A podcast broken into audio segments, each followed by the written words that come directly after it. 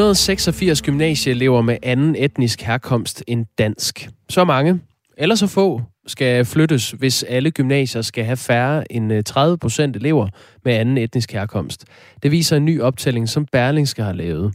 Og lige præcis øh, den magiske grænse på 30 procent øh, elever med anden etnisk herkomst er en bærende del af den omstridte gymnasieaftale, som et flertal i Folketinget vedtog sidste år, og den øh, aftale har kostet 161 millioner kroner. Det synes folketingsmedlem for Liberal Alliance, Ole Birk Olesen, er meget, meget få elever at bygge en del af så stor en aftale som gymnasieaftalen øh, på. Han mener, det er urimeligt, at øh, aftalen rammer alle kommende gymnasieelever, også dem, der ikke udgør et problem. Det er jo mange unge mennesker, som ikke får en lige så god gymnasietid, fordi de skal ikke kan gå på deres lokale gymnasium, øh, og på grund af et problem, som kan løses på anden måde. Astrid Karø er uddannelsesordfører for SF, opstillet i Sjællands Storkreds, og er midt i valgkampen, som øh, lige nu befinder sig åbenbart på en færge. Øh, godmorgen. Godmorgen. SF er et af partierne bag gymnasieaftalen, som øh, Ole Birk Olesen fra Liberal Alliance her kritiserer. Er 161 millioner kroner og begrænsninger for rigtig mange kommende gymnasieelever værd at lave sådan en aftale for, hvor en, en af hoveddelene altså handler om at flytte 186 elever? Jeg tror, det er vigtigt at understrege for det første, at cirka lige så mange vil få deres første prioritet, som de gør i dag. Altså, så det her med, at der er rigtig, rigtig mange flere, der vil få, øh, der, der ikke vil, vil komme til at gå i gymnasiet, der hvor de gerne vil, det er for det første ikke rigtigt. For det andet, så handler det her jo også, den her aftale for os om også nogle andre ting, end, end kun de her elever med en etnisk herkomst, som jo er det, der er kommet til at fylde rigtig meget. Men for os handler det også om, at man går i skole med nogen, der ikke ligner en selv, og vi så i øvrigt også holder hånden under de gymnasier, der er i ikke ligger i de store byer, og som er øh, sindssygt vigtige for lokalsamfundene. Så, så der er også flere ting i det, end, øh, end bare de her elever. Men ja, der er flere øh, elementer i aftalen, som, som du også nævner her, men når man taler om, at 186 elever er grundlaget for en af de bærende dele af den her aftale, burde man så ikke justere det? Altså justere det i forhold til simpelthen at droppe aftalen, eller hvad tænker du på? Altså Ole Birk øh, siger, at det er meget, meget få elever at bygge så stor en aftale på. Altså, det, Jamen, det, det er jo ikke rigtigt, at det kun er de elever, vi bygger aftalen på, for det er jo netop for at skabe en mere øhm, øh, harmonisk sammensætning af gymnasierne og sikre, at vi holder hånden under øh, nogle af udkantsgymnasierne, og det synes jeg, at det er værd. Altså, det er sindssygt vigtigt, at man kan gå i, i skole i hele landet, øh, og også på gymnasiet, uanset om det ja, er på Vestegnen eller om det er i Odsholm. Øhm, og derfor synes jeg, det er vigtigt, at, at vi sikrer det her. Og nu begynder min fave at sejle, så det er derfor, det brummer en lille smule, men jeg håber, det går. Det lever vi med, øh, indtil vi ikke gør længere. ja. Øh, Astrid Grave, altså uddannelsesordfører for, øh, for SF. Det vi øh, taler om her, er, at alle gymnasier skal have færre end 30 procent elever med anden etnisk herkomst. Øh, hvorfor er det egentlig vigtigt?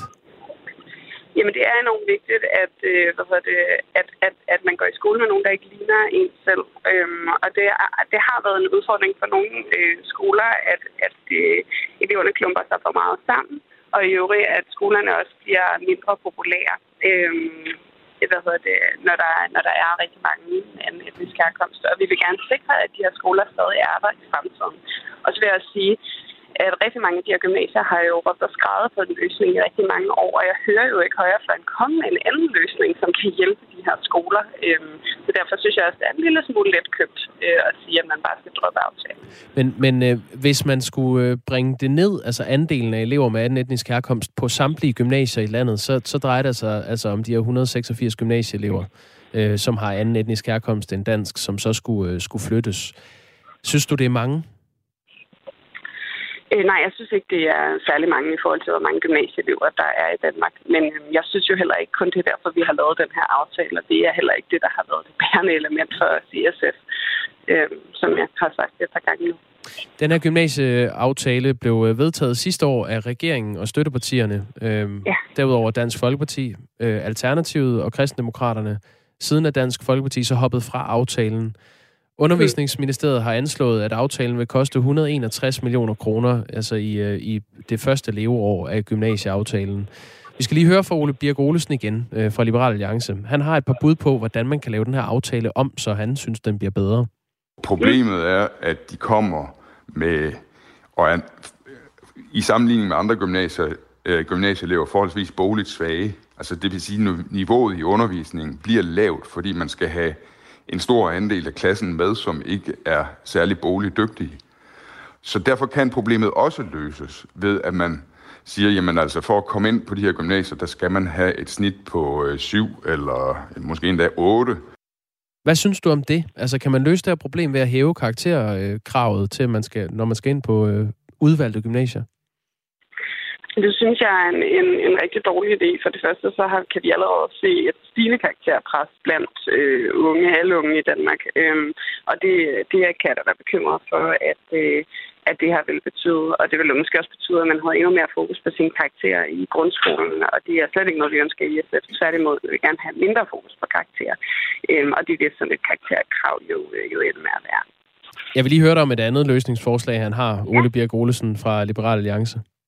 Og så er der jo den udvej, at man kan lukke gymnasiet og sige, det her, med den beliggenhed og den type gymnasium her, så, så kan vi aldrig få det til at blive rigtig godt, og så må vi bare lukke det. Hvad synes du om det? Det synes jeg også er lidt en forlitterklæring, fordi som jeg sagde lige før, der synes jeg jo, at vi netop skal kunne sikre, at der er uddannelsesmuligheder øh, rundt omkring i hele Danmark. Og det er både, ja, hvis man øh, gerne vil gå i gymnasiet på Vestegnen, men også hvis man gerne vil gå i gymnasiet i en af de mindre byer, hvor gymnasierne står til at lukke, hvis vi ikke gør noget. Og det er jo så det, vi gør med den her aftale. Øhm, og jeg vil sige, der er jo altså også bare et element i, at i dag er det jo ikke, fordi eleverne går i skole der, hvor de bor.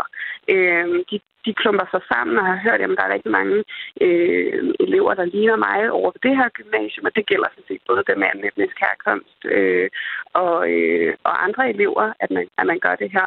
Øhm, så det er jo ikke øh, fordi, at, at der er, det er i hvert fald ikke kun fordi, at det er et særligt område i Danmark, hvor, at det, hvor, hvor der kun bor folk med anden etnisk herkomst. Og jeg synes jo også, at det spiller for lidt, hvis der ikke er ungdomsuddannelser til folk på Vestegnen, bare fordi, at man, øh, man er imod de her gymnasier, der har mange Men det var, det var faktisk det, Ole Birk Olesen ville øh, dæmme op for, det der. Uh, han, han sagde, at det er jo ikke fordi, de har anden uh, baggrund end, øh, end dansk, at det er et problem. Det er et problem, fordi at, at der er flere, øh, der er bogligt svage i den gruppe, og øh, mm. der, dermed kunne man så sætte et karakterkrav ind på udvalgte gymnasier, så det bliver sådan nogle profilgymnasier, og så vil de ellers søge hen på andre gymnasier, og det vil brede det mere jævnt ud. Hvad siger du til det?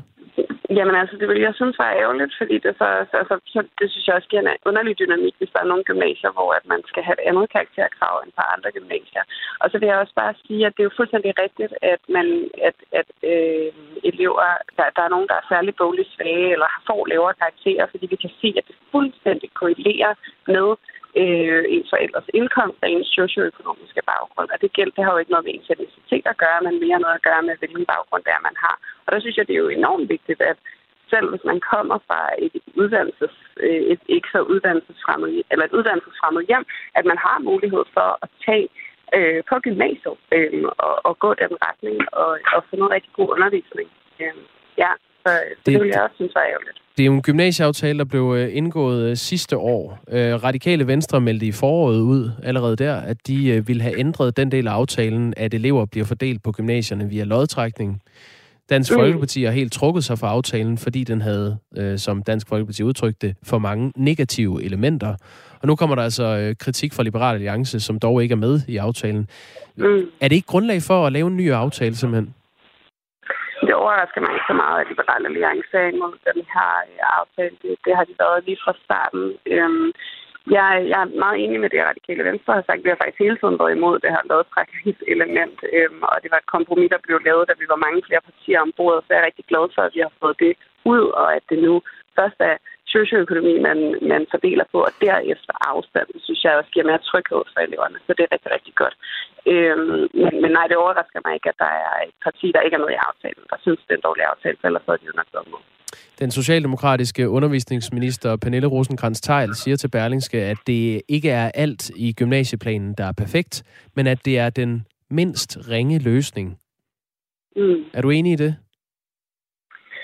Ja, og, og, og, og jeg, er meget, jeg er meget, meget optaget af, at det her problem bliver løst, fordi det er noget, som gymnasiesektoren har råbt og skrevet på i overvis, og man ikke har fundet en løsning på. Det har vi fundet nu, øhm, og, øh, og det synes jeg er rigtig godt. Og jeg hører øh, ærligt talt, jeg har svært ved at høre, hvad, hvad alternativet er Øhm, og jeg, og jeg, jeg køber i hvert fald ikke, at det skulle være et karakterkrav, fordi det bare vil presse de unge endnu mere øh, på karakterer, end de giver i dag, og det giver de rigeligt i dag. Så lyder det fra Astrid Karø, som er øh, uddannelsesordfører for SF, i gang med valgkampen og med her i Radio 4 morgen fra en øh, færge. Klokken er kvart over otte. Lad nu være med det der med at sige, at den ene form for ekstremisme er værre end den anden form. Bølgerne går højt i blå blok. Jeg, jeg synes, samfundet har taget en, en skidt drejning. Kan de mødes om magten på højrefløjen? Morten, det er, jo ikke, det er jo ikke rigtigt. Pas på, at du ikke underdriver, at der også er problemer med højere ekstremisme i Danmark. Lyt til Det Blå Hjørne i dag kl. 11.05. Radio 4. Vi giver dig valget. Du sætter krydset. Her til morgen har vi forsøgt at få Marianne Karlsmose med på et interview i Radio 4 Morgen. Hun er øh, formand for Kristendemokraterne, og det har vi forsøgt ovenpå en historie fra Berlingske. I en intern øh, mailkorrespondence mellem øh, medlemmer af Kristendemokraternes hovedbestyrelse, der kommer det frem, at øh, hun giver i hvert fald udtryk for, at hun ikke er for fri abort, som ellers er det partiet står for, skriver Berlingske altså oven på øh, en øh, lang række interne e-mails fra partiets top, de øh, har fået fingrene i. Ifølge avisen viser korrespondancen også, at hun i en e-mail har skrevet, jeg er ikke for fri abort. Ja, og hun var faktisk klar til at melde sig helt ud af kristendemokraternes ledelse, øh, fordi holdningen til abort var blevet for progressiv i partiet. Ja, og vi vil jo rigtig gerne have et lige spurgt Marianne Karlsmose, ind til det her. Blandt andet fordi hun af flere omgange har været med her på Radio 4, øh, hvor hun har øh, forsvaret retten til øh, fri abort både her i øh, Radio 4 morgen, men også i øh, Ring til Radio 4, øh, hvor man under valget kan møde alle partierne en af gangen. Den 10. oktober, der var netop Marianne Karlsmose med, og hun bliver altså spurgt ind til netop det her abortspørgsmål. Det lød sådan her. Det her med at forbinde kristendemokraterne med forbud, det har vi altså lagt til side. Ja, men øhm, hun vil ikke være med i et øh, interview her til morgen. Øh, Marianne Karls Mose skriver til os, at øh, jeg har ikke yderligere kommentar, end at jeg bakker fuldt op om de regler, der er i dag omkring kvinders adgang til abort. Jeg vil ikke forbyde abort. Kristendemokraternes linje står fast, og alle kandidater bakker op om det. Desværre ikke et interview med hende. Vi ville ellers rigtig gerne have forholdt hende til øh, de her mails, som Berlingske er kommet i besiddelse af, hvor det fremgår, at hun ikke er for fri abort, øh, mens hun jo udad til eller siger, at hun er for fri abort. Men det var i foråret, og man har jo et standpunkt til, man tager et nyt, og øh, det må man sige gør sig gældende i den her sag. Ja. Til synligheden i hvert fald. Det kan også være det, fordi der jo er øh, valgkamp. Den er i fuld gang landet over i Danmark.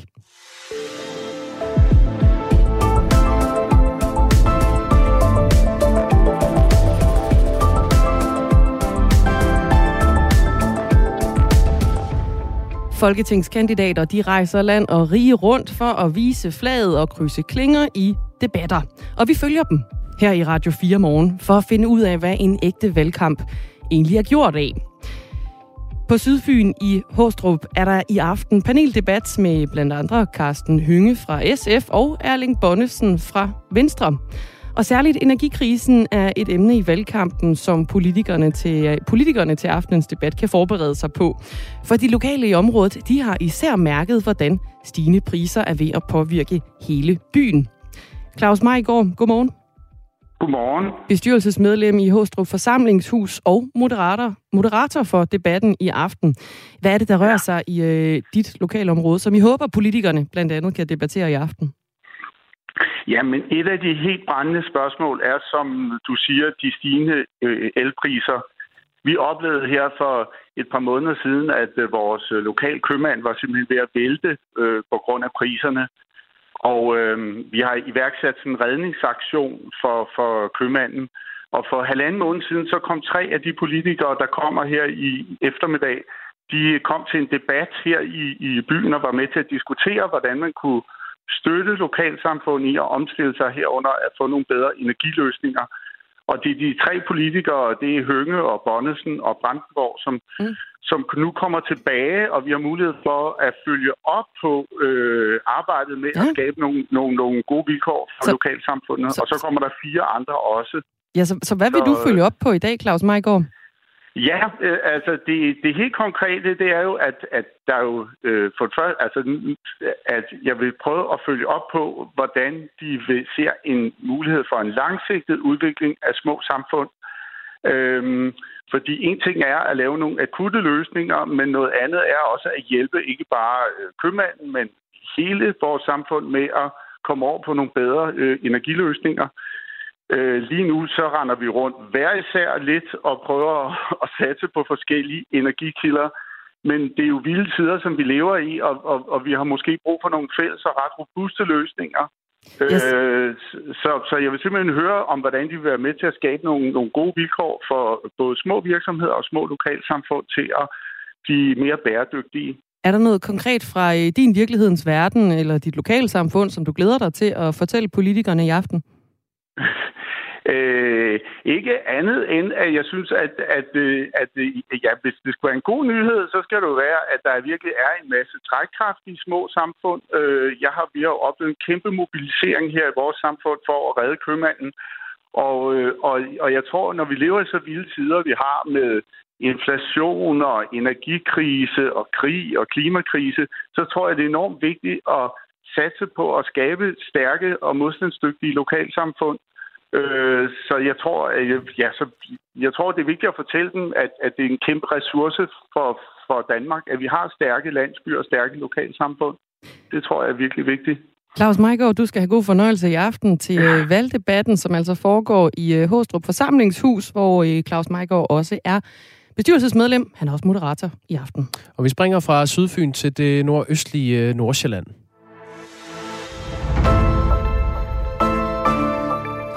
Og Helsingør Islamisk Menighed, hvor de i eftermiddag får besøg efter fredagsbønnen. Her har de ankommende mulighed for at få sig en kop dialogkaffe med de politikere, som øh, de selv har lyst til at spørge om noget med egen mund. Mesut Harman er formand i øh, Helsingør Islamisk Menighed. Godmorgen. Godmorgen. Hvorfor har I valgt at gøre det her arrangement til en dialog i stedet for en klassisk debat? Det har vi gjort, fordi øh, vi vil gerne have, at vores øh, medlemmer kommer tættere på de her kandidater og, og stiller de rigtige spørgsmål, som der, der optager dem, og ikke øh, politikerne, der sætter dagsordenen. Hvad er det for nogle politikere, man kan få lov at møde? Vi har inviteret alle politikere, øh, både øh, inden for Folketinget og udenfor, og vi har inviteret dem alle sammen, og, og de, der er nogen, der har meldt tilbage, øh, og der er nogen, der har meldt afbud. Så det, det, det bliver en, en, en stor skare af politikere fra øh, lokale kandidater fra forskellige øh, partier. Så I, altså, I har øh, inviteret alle fra valgkredsen? Præcis. Ja. Øh, alle fra valgkredsen, også øh, dem ude fra Folketinget. Øh, sådan så vores medlemmer får mulighed for at høre, hvad de kommer til at arbejde med, hvis det bliver valgt ind. Du er jo formand i Helsingør Islamisk Menighed. Er der, er der nogle af de her politikere, der kommer i eftermiddag, som du selv har nogle spørgsmål til? Øh, det, det, det, det, det, jeg kommer til at stille spørgsmål til dem alle sammen, og det gør vores medlemmer også. Øh, vi har lige hørt øh, energikrisen og stigende priser, fødevarepriser, så der er jo mange spørgsmål at tage, øh, tage til, så det vil jeg gøre. Hvad, hvad glæder du dig mest til at få svar på? Jeg, jeg tror, det, det, det mest øh, glædelige øh, svar vil være, at de her stigende energipriser, det er det, der optager vores øh, medlemmers øh, øh, dagligdag lige i øjeblikket. De er fødevare- og energipriser lige i øjeblikket. Tak skal du have, Mesut Harman, og øh, god fornøjelse med arrangementet. Altså formand i Helsingør Islamisk Menighed, hvor de i eftermiddag får besøg af en række politikere efter fredagsbønnen. Venstres formand Jakob Ellemann Jensen er i dag på rundtur i Sønderjylland, hvor han blandt andet skal besøge en række lokale folketingskandidater. Og han skal også øh, på besøg på Deutsches Museum Nordslesvig sammen med formændene for det tyske mindretal og det slesvigske parti. Nina Jebsen, du er arkivleder på museet. Godmorgen. Ja, godmorgen. Hvilke forberedelser har I øh, gjort jer inden Venstreformandens besøg? Vi har forberedt øh, at vise tre genstande fra vores udstilling, vi har i Sønderborg. Ja, hvad er det for nogle genstande? Uh, vi starter med en valgurne fra, uh, fra Ubæk og Sved, som er brugt i folkeafstemningen i 1920. Det er jo vores fødselsdag og uh, vores birth kan man sige. Um, og så har vi uh, et uh, punchstativ, altså nåleudskæringer fra forhuslejren uh, fra efterkrigstiden. Og øh, så har vi også øh, vores Harderslev-erklæring, som er grundlag til, øh, øh, til vores paraplyorganisation Bund Deutscher Nordschlesinger i 1945. Mm. Hvorfor er det de tre genstande, I vil øh, vise frem? Um, det er jo en, man kan sige, en tidslinje i uh, mindretals historie. Så vi begynder med det den 20, hvor den tyske mindretal begynder at, at opstå faktisk i Danmark. Og så um, uh, nogle udskæringer for forhuslejrens det er jo øh, efterkrigstiden, hvor øh, vi øh, henviser, at der var øh, mange fra den tyske mindretal, som har meldt sig frivilligt til krigen, til den tyske krig.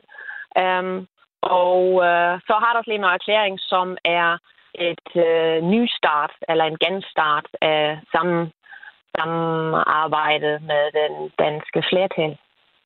Hvad håber du, Jakob Ellemann Jensen tager med sig videre fra sit besøg hos jer? Altså for den første er det jo en god anerkendelse af vores nye museum, som vi har på plads siden august 2020.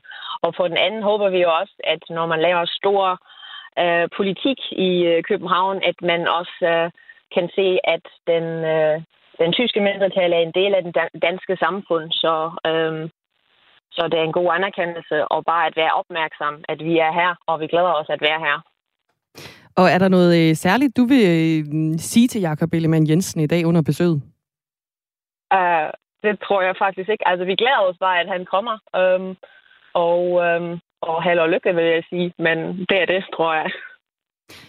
Du skal i hvert fald have god fornøjelse, Nina Jebsen, arkivleder ved Deutsches Museum Nordslesvig, som øhm, får besøg af Jakob Ellemann Jensen i dag.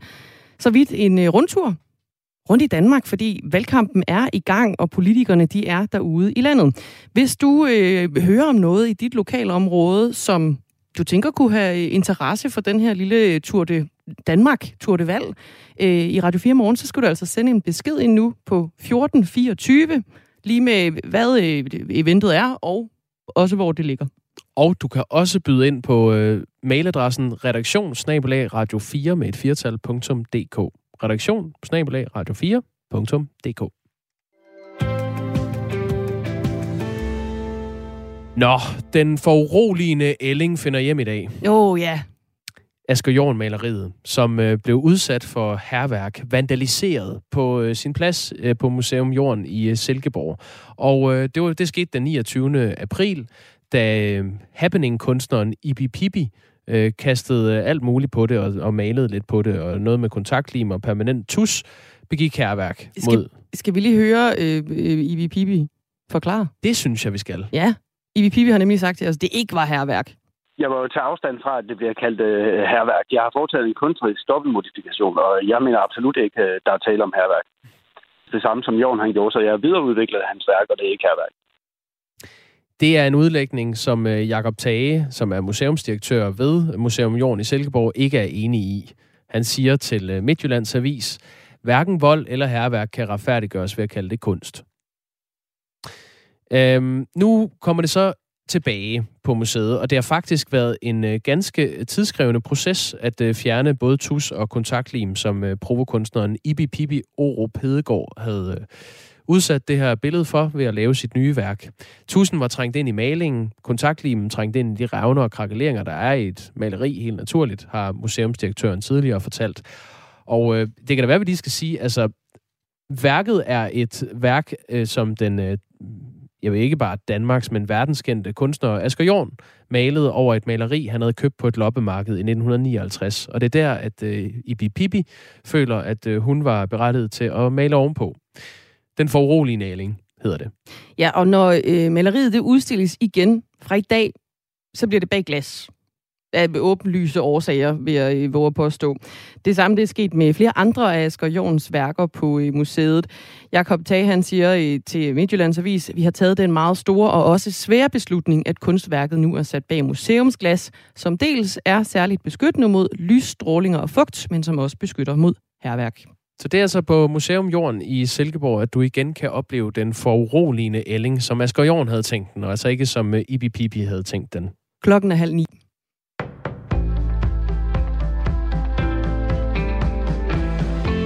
Antallet af danskere, der er i arbejde, steg i august måned. Det sker efter et fald i juli, det første fald i 17 måneder. Men den udvikling er altså vendt igen. I august var der 10.300 flere lønmodtagere end i juli, hvilket er ny rekord. Det betyder, at der var 2.967.000 personer i beskæftigelse, det viser tal fra Danmarks Statistik. Jeppe Jul Borger, der er cheføkonom hos Arbejdernes Landsbank, kalder udviklingen for helt utrolig. Der kommer flere i arbejde på trods af den højeste inflation i 40 år, dystre udsigter for økonomien og rekordlav forbrugertillid, siger han i en skriftlig kommentar. Og som han siger, selvom det går godt med beskæftigelsen, så er mange danskere skeptiske lige nu. Forbrugernes syn på dansk og egen økonomi fortsætter nemlig med at blive mørkere og mørkere. I oktober måned var forbrugerne mere, pessimistiske, mere pessimistiske hedder det, end Danmarks Statistik nogensinde tidligere har målt i de 48 år, man har opgjort forbrugertilliden. Dermed fortsætter tendensen fra de seneste måneder, hvor forbrugernes syn er blevet mere og mere negativt. Forbrugertilliden opgøres ved, at Danmarks Statistik spørger en gruppe forbrugere om deres syn på dansk og på egen økonomi det seneste og det kommende år.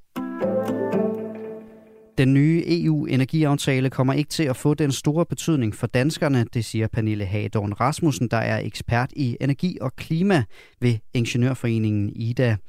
EU-landene er ellers blevet enige om en aftale, der skal holde de høje priser på energi nede, blandt andet ved at gå sammen om at indkøbe gas i et forsøg på at få bedre priser ved en form for mængderabat.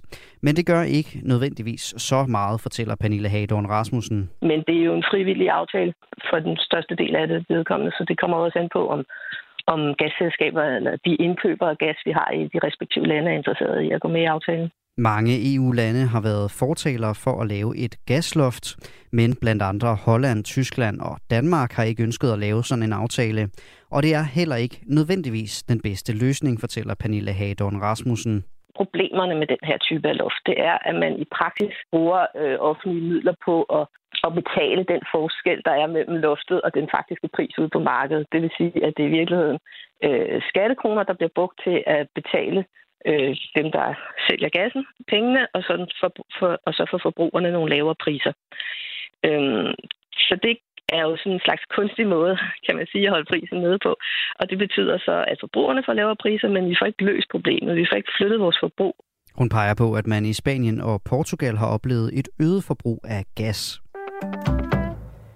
Tre af de fire russiske statsborgere, der sidste uge blev anholdt for at fotografere objekter, der var underlagt forbud, bliver løsladt i dag. Det oplyser deres forsvar til den norske avis VG. Forsvaren til den fjerde varetægtsfængslede siger desuden, at man regner med, at hans klient også vil blive løsladt. De tre russere blev anholdt den 11. oktober, sigtet for at fotografere objekter, der var underlagt fotograferingsforbud. I alt er seks russiske statsborgere blevet anholdt i Norge de seneste uger for ulovlig fotografering eller ulovlig flyvning med droner. Noget som eksperter har peget på kan være et tegn på hybrid krigsførelse. Siden Rusland invaderede Ukraine har det været ulovligt for russiske statsborgere at flyve med droner på norsk territorie. Skyde vejr i dag med regn af og til, særligt i eftermiddag, og temperaturer op mellem 9 og 14 grader. Vinden den bliver let til frisk omkring sydøst, kraftigst omkring Skagerak. Nyhederne her på Radio 4 var med Asbjørn Møller.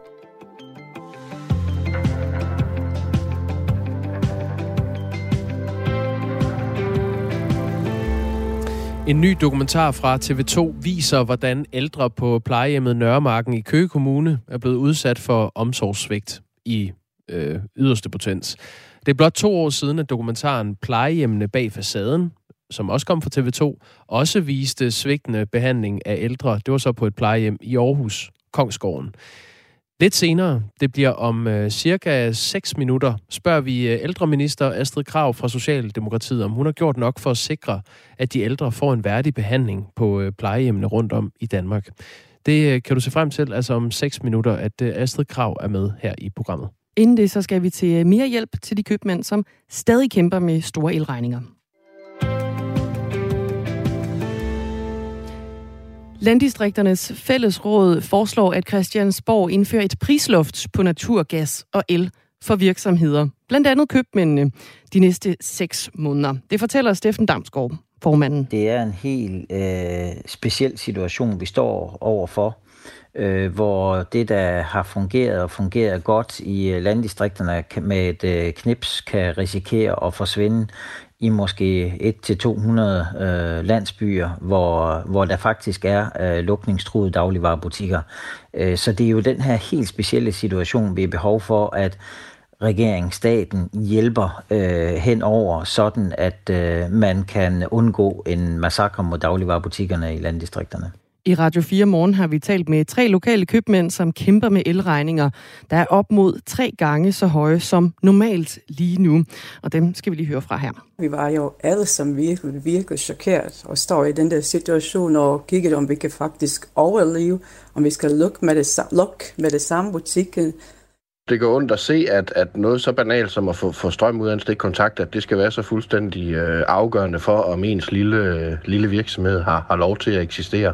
Jeg har øh, lukker som store fryserhuse, og jeg har solgt af de der frostvarer ud, lukker for køleskab og sådan cirka otte stykker.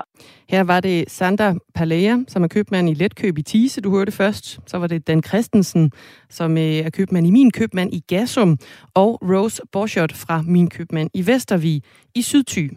Den 23. september præsenterede et bredt udsnit af Folketingets partier ellers en øh, pakke med vinterhjælp. Det var Socialdemokratiet, det konservative Folkeparti, Venstre, SF, Enhedslisten, Radikale Venstre, Danmarksdemokraterne, Alternativet og Moderaterne, der stod bag den pakke med vinterhjælp. Elafgiften bliver sat så langt ned, som det er muligt, det første halvår af 2023, altså fra øh, 1. januar. Og samtidig kan virksomheder indefryse blandt andet elregningen og betale den på et øh, senere tidspunkt. Erhvervsminister Simon Kollerup kaldte til præsentationen af aftalen indefrysningsordningen for en hjælp til blandt andet de købmænd, som kæmpede med store elregninger. Her vil muligheden for at kunne indefryse den del af regningen, som ligger over det niveau, man betalte sidste efterår. Det vil være en kærkommen hjælp til, at man kan lægge sit budget man ved, at man kan betale den regning, man betalte sidste år, og så får man en overrække til at kan, kan afdrage øh, det, som ligger over niveauet. Så indefrysningsordningen er også en stor hjælp for øh, virksomhederne her. Men pakken er ikke tilstrækkelig, mener Steffen Damsgaard, der er formand for Landdistrikternes Fællesråd. Han forudser, at mange købmænd bliver nødt til at lukke. Jamen, vi ser jo, at øh, dagligvarerbutikker overvejer, om øh, de vil fortsætte. De første har jo øh, lukket også selv med, med den her melding, for man øh, aner jo ikke, hvad det er for en øh, byrde, man skubber foran sig øh, med de høje øh, energipriser, vi har lige nu. Og derfor har vi i fællesrådet øh, lanceret en række forslag, både målrettet øh, private, men også øh, erhvervsliv, og øh, der har vi jo også øh, målrettet tiltag øh, til for eksempel øh, dagligvarerbutikkerne, så man sikrer, at den sidste butik øh, på landet øh, i den enkelte landsby ikke risikerer at lukke. Mange steder prøver lokale at samle penge ind for at hjælpe den lokale købmand. I Letkøb i Tise har indbyggerne for eksempel samlet 84.000 kroner ind til at betale elregningerne. Og mere end 10 frivillige, de hjælper også til med at passe kassen midt på dagen, så lønudgifterne de kan holdes nede. Og selvom Steffen Damsgaard mener, at det er et godt initiativ, så det er ikke en holdbar løsning. Jamen, det kan man gøre en, øh, en enkelt gang, øh, men øh, det her er jo regninger, der vender tilbage øh, hver anden måned eller hver kvartal øh, i nogle størrelser, som øh, ikke er til at, at håndtere på den her måde igen og igen. Øh, det har vi jo også fået udsagnene fra øh, købmænd, dagligvarerbutikker, at det, øh, det kan man klare en enkelt gang, men øh, det kan man ikke blive ved med, øh, for hvis situationen ikke forbedres, jamen så ender det med lukning, og det er ikke bare enkelte butikker. Der taler vi måske op mod 100-200 butikker. Udover et prisloft på energi, mener Steffen Damsgaard også, at staten skal yde et tilskud til energirenoveringer af erhvervsbygninger. Og øh, den skal også yde tilskud til dagligvarerbutikker, så de kan udskifte gamle og dyre fryse- og køleanlæg. Det er nemlig vigtigt, at staten økonomisk hjælper de lokale købmænd. Den lokale dagligvarerbutik er jo en øh, livsnerve, øh, og det tror jeg, man skal bo i en øh, landsby for at forstå. Øh, på den måde, at du gør alle dine indkøb, der det er jo selvfølgelig dagligvarer, men tit har de her butikker også en udvidet sortiment med flere varer, der gør, at du faktisk kan gør øh, ja, stort set alle dagligdags indkøb. Men det er jo også der, hvor du henter din medicin, som du kan få udleveret fra apoteket til, øh, til, til, til dagligvarerbutikken, hvor du så henter det der. Det er der, hvor du øh, afleverer pakker og henter pakker. Øh, det er også der, hvor du øh, øh, øh, ja, øh, gør andre fornødenheder, andre indkøb. Og så må vi sige, det er jo en social øh, mødested også for mange. Øh, det er det både for øh, ældre, seniorer øh, og generelt alle i øh, landsbyen, der mødes og får den der snak, som også er vigtig øh, i landsbyen. Og for ældre og seniorer er øh, butikken i byen jo en livsnerve, som gør, at de kan blive i landsbyen. Man tager måske rollatoren hen og handler lidt ind øh, hver eneste dag, øh, og på den måde så kan man begå sig i byen. Øh, så derfor er de her funktioner helt, en dagligvarerbutik helt afgørende for, at man kan fastholde borgere, øh, men også øh, være den der daglige omdrejningspunkt øh, for landsbyens borgere. Og når nu det er valgkamp, så har Steffen Damsgaard en klar opfordring til politikerne. At man øh, laver nogle løsninger, som er bredere end den øh, vinterpakke 1, som vi har set indtil nu. Øh, folk ved godt, at det er ikke fuld kompensation, man får. Det her det handler om, at vi skal undgå, at folk går fra hus og hjem, og at øh, livsvigtige funktioner som den lokale dagligvarebutik, at den også kan eksistere, og også at man kan kigge ind i andre erhverv, som er særligt truet lige nu. Det er ikke for, at man kan redde alle, men man kan undgå en massakre, og man kan undgå, at folk går fra hus og hjem. Så lyder det fra Steffen Damsgaard, der er formand for Landdistrikternes Fællesråd. Vi har forsøgt at få et interview med Socialdemokratiet, med Konservative og Venstre, men hos ingen af de her tre partier har det været muligt at finde en politiker, der kan udtale sig om øh, den her sag i dag. Men både Socialdemokratiet og Konservative, de er med på mandag. En russisk forsvarsanalytiker ved navn øh, Rusland, ja det hedder han faktisk, øh, Pukov, skulle øh, forleden være med i et uh, tv-program på den russiske tv-station RBC. Og uh, da han så skal være med, altså der sidder to nyhedsværter, man skal forestille sig et uh, bimlende og bamlende nyhedsstudie, der sidder to uh, værter ved pulten, så kommer der noget underlæg på, fordi Rusland Pukov, den her forsvarsanalytiker, skal hen og sidde i en sofa og interviews. Han havde bare ikke indset, at hans mikrofon allerede var tændt på den gang, han har derhen. Ja.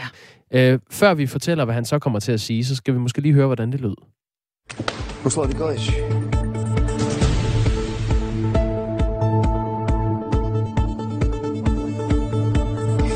Раскачивать не будем, поэтому я очень прошу вас сильно на этих иранских, потому что это классика истории. Жопа есть, а слова нет, да? Мы все знаем, что они иранские, но власти не признали. Der er i hvert fald ord, man øh, kan høre. Iranski, siger han.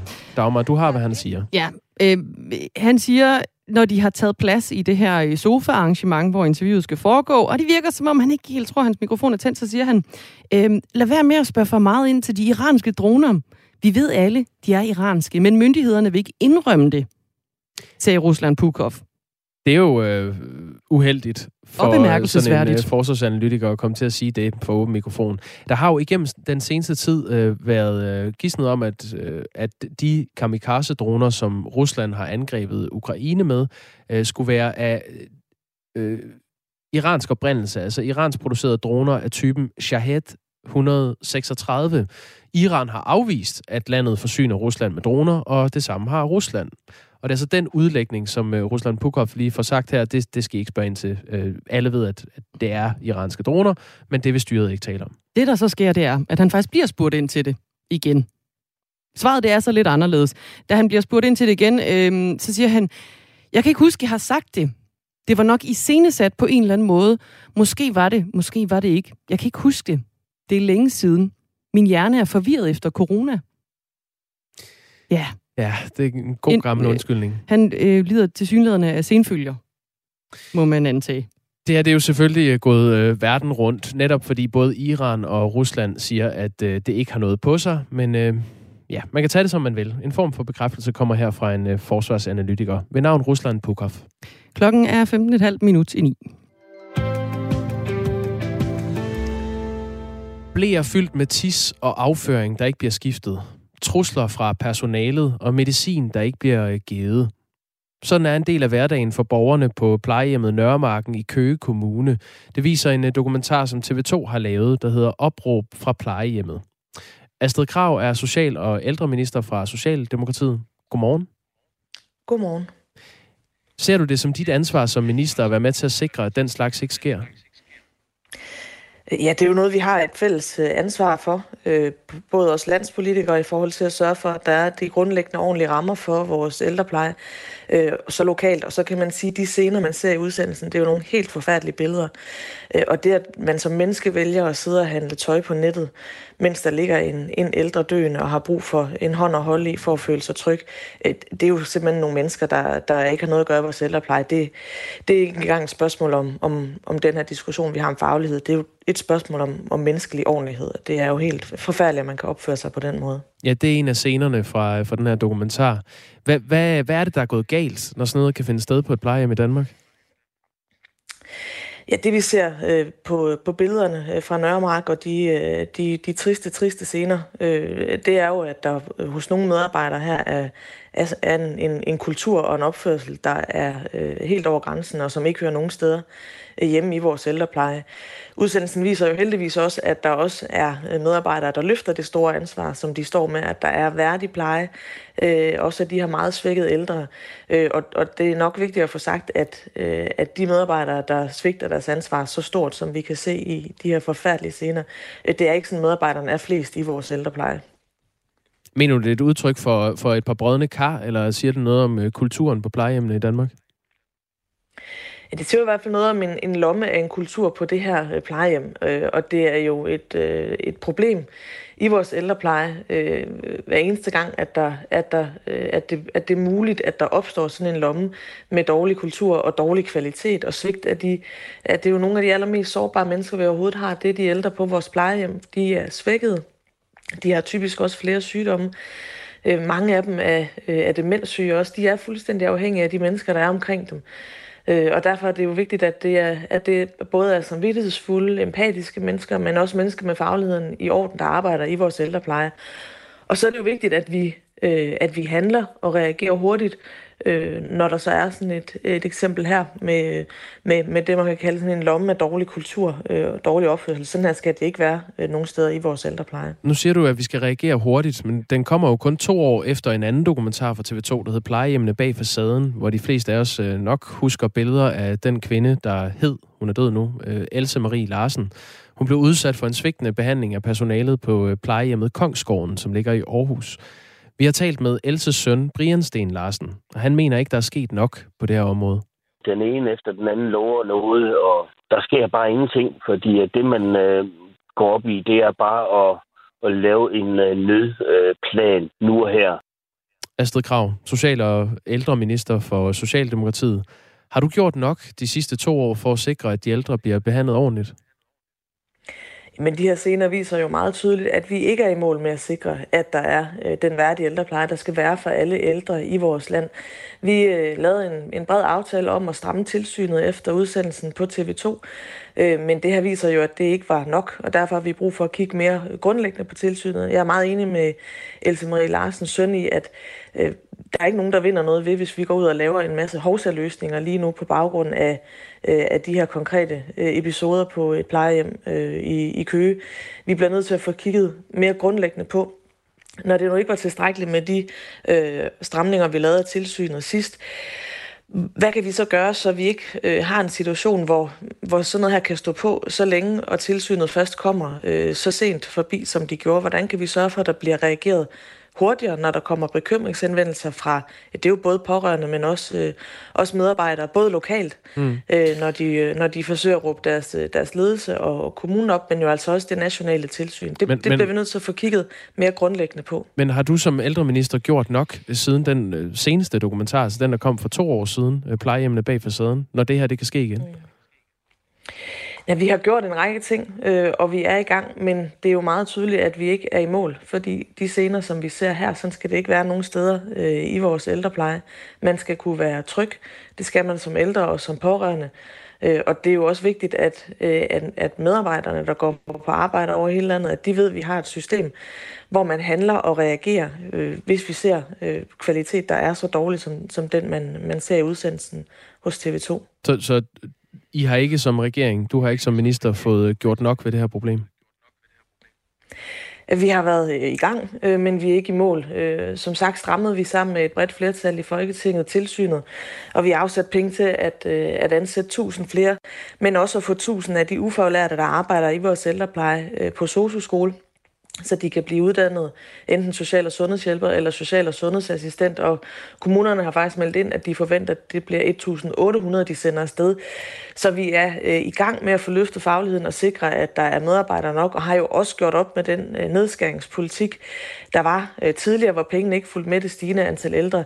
Men det er ikke noget, der bliver løst øh, natten over, og, og jeg tror, at enhver kan se, at vi ikke er i mål endnu. Det er jeg i hvert fald mm. øh, meget bevidst om. Nu nævner du de her 1,9 milliarder kroner, I har afsat i en stor velfærdsaftale til øh, ældreområdet, der blandt andet skulle give 1000 nye medarbejdere til ældreplejen øh, frem mod 2024.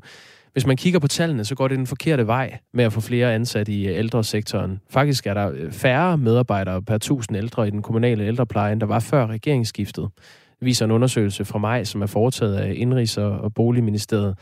Samtidig viser de nyeste nationale tal for Styrelsen for Arbejdsmarked og Rekruttering af knap hver anden opslået stilling, som både øh, sosu-hjælper, sosu-assistent og sygeplejerske forblev ubesattet øh, det seneste halvår.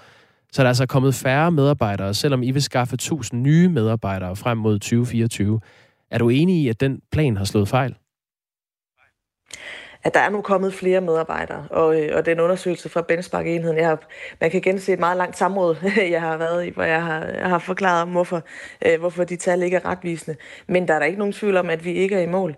Øh, og når man skal have uddannet 1000, eller hvis det så bliver 1800, som kommunerne melder ind, så er det nogle medarbejdere, der skal ind og tage uddannelse, som man ikke tager øh, øh lige, øh, lige natten over heller. Det er, jo, det er jo nogle uddannelser, som er gode og solide, øh, men som også der tid at tage. Og derfor har vi jo både afsat penge til, at de 1000 kan blive uddannet og blive ansat, og til der kan komme tusind nye.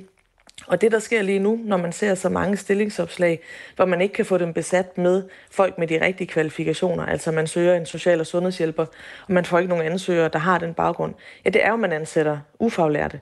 Og derfor er det så vigtigt, at vi har fokus på at få uddannet de ufaglærte, der er i vores ældrepleje. Vi har foreslået, at man skal have øh, løn under uddannelserne, altså både under hjælperuddannelsen og assistentuddannelsen, både for voksne og øh, voksne elever og de unge elever, øh, fordi vi bliver nødt til at gøre det attraktivt at uddanne sig til ældreplejen, så bliver vi også nødt til at gøre det attraktivt at arbejde inden for ældreplejen. Og der betyder det noget, at vi nu har en regering, der lader pengene følge med, når der kommer flere ældre. Mm. Det er ud over de, øh, de penge, du omtaler i, øh, i finansloven, så har vi jo løftet kommunernes økonomi med 5,9 milliarder. Og det mener vi, man skal blive ved med. Det er der jo så uenighed omkring øh, med, med flere af de blå partier, der ikke mener, at pengene skal følge med, når der bliver flere ældre. Og jeg er helt med på, at penge ikke løser det her alene. Men det er i hvert fald heller ikke nye besparelser på vores ældrepleje, som er løsningen her. Vil du, vil du ikke lige prøve at, at forklare helt kort, hvordan det kan hænge sammen, at uh, Indrigs- og Boligministeriet har lavet en undersøgelse, der viser i maj, at der er kommet færre medarbejdere per tusind ældre i den kommunale ældrepleje end før regeringsskiftet, og du siger, at der er kommet flere? Mm. Mm. Jamen i ældreredegørelsen, som, øh, som øh, bliver udgivet hver eneste år, som er en redegørelse, vi, vi afgiver, den siddende regering afgiver til Folketinget, øh, kan man se udviklingen i antallet af medarbejdere, og der er flere medarbejdere. Noget af det, der ikke er taget med i, i benchmark-enhedens opgørelse, det er alle de, dem, der er ansat, kan man sige, på ekstraordinære vilkår, og elever for eksempel. Så der er ikke et samlet billede i, i den undersøgelse. Vi har talt med Kirsten Trine Larsen, som er sociohjælper, og hun er også administrator for en Facebook-gruppe, der hedder Sosokamp på tværs. Hun har et uh, spørgsmål til dig. 21. december 2018, der skrev Astrid Krav på Facebook, Kom nu på banen, tyr. Hvis ikke den ældreminister er optaget af livskvaliteten for de ældre på landets plejehjem, hvad har vi så en ældreminister for? Det vil jeg gerne stille det spørgsmål til Astrid Krav selv. Det må du gerne svare på. Jamen, det vil jeg utrolig gerne, for jeg kan godt se, at det er et, øh, et opslag, der bliver delt på Facebook. Det var jo øh, en, en, en tilbagevendende kritik øh, af den tidligere regering, at man ikke ville lade pengene følge med, når der kom flere ældre, og at man derfor sad i kommunerne øh, og måtte spare. Øh, for eksempel øh, lægge, øh, lægge distrikter sammen, så der blev, øh, der blev længere øh, mellem lederne og medarbejderne, som, som en af de konsekvenser, vi jo kan se, er noget af det, der kan give dårlig kvalitet. Øhm, så, så jeg har hele vejen igennem under den tidligere regering efterlyst, øh, ambitioner på ældreområdet, øh, og jo også en forklaring fra den daværende ældreminister om, hvordan det kunne være, at det var vigtigere at give skattelettelser. Øh, jeg kan huske, at Anders Samuelsen han købte 21 guldpokaler, en for hver milliard, man havde givet skattelettelser for. Jamen nu, nu holder vi lige hos på, på, øh, på dig og regeringen, øh, Astrid Krav. Altså, hvor er du henne, når du, når du spørger ældreministeren dengang, Tyre Frank, hun skulle komme på banen, når der var ja. problemer. Hvor ja. er du så henne, når sådan noget her kan ske to gange på, på jeres vagt? Jamen i modsætning til øh, Tyre Frank og den tidligere regering, som jo underfinansierede vores velfærd, og der var besparelser i vores ældrepleje, så har vi fra dag et løftet kommunernes økonomi. Vi har løftet i vores tre økonomiaftaler mere end de 10 foregående. Så kommunerne har bedre mulighed for at sikre øh, værdige rammer i vores ældrepleje. Vi har afsat penge til de 1000 flere medarbejdere. Vi har løftet socioskolerne, givet mulighed for, at man kan uddanne sig på forhøjet dagpenge, og en lang række andre ting. Og det er jo at være på banen. Men det har jo ikke haft den, den, øh, den ønskede effekt. Nej, det er ikke det samme som, at vi er i mål. Øh, det tror jeg ikke, man kan komme øh, på, på bare tre år, men vi er på vej, og det vil jo være meget, meget bekymrende, hvis vi efter valget ser en regering, der igen vil udsætte vores ældrepleje og vores velfærd for, for den sparekurs, som vi er i gang med at rette op efter. De her 1,9 milliarder kroner, I har afsat til ældreområdet, øh, kan ikke mærkes ude i ældreplejen. Det siger sociohjælper Kirsten Trine Larsen. Lad os lige høre hende igen. Altså for det første, så kan jeg ikke se, hvor de 1,9 milliarder de er blevet af, fordi jeg har ikke fået flere kollegaer. Hvordan øh, hænger det sammen? Altså når, når øh, hun fortæller, at hun ikke oplever, at der kommer flere og, og hjælper med, med at passe de ældre? Mm. Ja, vi har både afsat øh, de 1,9 milliarder på finansloven, men vi har også grundlæggende løftet kommunernes økonomi, så der, så der er øh, penge, der følger med, når der kommer flere ældre. Lige nu står vi jo i en, øh, i en rigtig svær situation. Det gør vi i det hele taget i vores samfund, øh, men det gør vi også i ældreplejen i forhold til at kunne rekruttere medarbejdere. Og derfor oplever man jo rundt omkring, at selvom man har pengene, øh, ja, så kan man ikke rekruttere medarbejderne. Og derfor har vi jo også sagt meget klart fra regeringens side, at det her ikke kun er et spørgsmål øh, om flere penge. Det er en afgørende forudsætning. Besparelser kommer ikke til at gøre noget bedre her, men vi har også brug for, øh, at medarbejderne kan bruge deres tid på det rigtige. Når der nu er den mangel på medarbejdere, der er, så dur det ikke, at der er så meget tid, der bliver brugt væk fra de ældre bag en computerskærm ved et skrivebord. Og derfor er det en dobbelt øvelse her. Vi skal både holde hånden under vores velfærd og sørge for, at pengene følger med. Det gør de nu. Det gjorde de ikke tidligere. Men vi skal også sørge for, at medarbejderne ikke skal bruge så meget tid på byråkrati, på papirarbejde, på registreringer. Øh, og der er vi kommet med det store reformudspil Danmark kan mere 3, hvor vi peger på øh, en lang mm. række greb, der skal sørge for, at vi får gjort op med det byråkrati, som medarbejderne faktisk skal bruge deres tid på omsorg af de ældre. Men det er jo ikke, det er jo ikke et nyt øh, fænomen, det her. Altså, det, det er som sagt to år siden, at øh, TV2 sidst kastede lys over de øh, horrible forhold, der kan være i, øh, i hjemmeplejen og på plejecentrene. Altså, nu, nu kommer I så med nogle bud på, hvordan man kan løse det her i Danmark kan 3, som I netop har præsenteret. Men hvis det er så presserende, hvorfor har I så ikke præsenteret nogle løsninger før? Vi har jo også handlet. Altså oven på, øh, oven på udsendelsen øh, tilbage dengang, øh, der var der et bredt flertal i Folketinget, der strammede op i tilsynet, så det nu er obligatorisk at, at få et forløb de steder, hvor man får øh, hård kritik øh, fra tilsynet. Vi kan jo så konstatere, at her har vi et plejehjem, der ville have haft rigtig godt af at få sådan et forløb, så man kunne få rettet op på kvaliteten, og det ikke er sket. Og derfor bliver vi jo nødt til at kigge mere grundlæggende på vores tilsyn. Tilsvarende har vi løftet området økonomisk, ud over de løft, vi har sikret i kommunernes økonomi. Men vi er ikke i mål. Øh, det er, det er da meget tydeligt. Vi har mm. ikke alle steder i Danmark den værdige ældrepleje, vi skulle have. Det kan man ikke løse natten over. Det kræver en varig forpligtelse, og derfor har vi jo også sagt, at pengene bliver nødt til at blive ved med at følge med hvert eneste år når der kommer flere ældre i kommunerne. Og, og det er bekymrende, at der er partier, der ikke mener, at det er sådan, og som hellere vil bruge de penge på skattelettelser til Astrid de Krav, vi har, vi har et, og det er jo det, der er virkeligheden. Vi har et lille minut til uh, nyheder. Jeg skal lige nå at læse en uh, sms op på, for dig her, som er udtryk for flere sms'er, der kommer, skal jeg sige. Jeg forstår ganske enkelt ikke, hvorfor ministeren ikke lægger sig fladt ned og erkender, at der hverken er gjort nok eller godt nok. Erkender, at posen skal rystes gevaldigt, og at flere medarbejdere ikke er svaret på alt.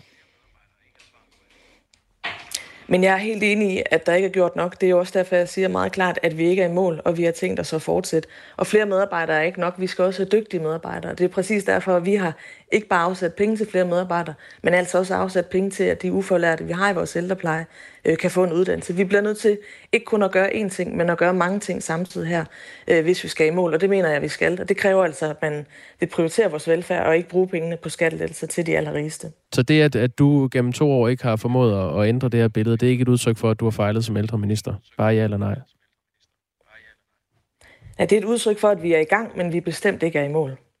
Så lyder det fra Astrid Krav, som er social- og ældreminister fra Socialdemokratiet. Det bliver også det sidste, vi når for Radio 4 morgen. I dag vi er tilbage igen på mandag, men bliv hængende på kanalen. Lige om lidt er der Ring til partierne med Sikanda Siddiq.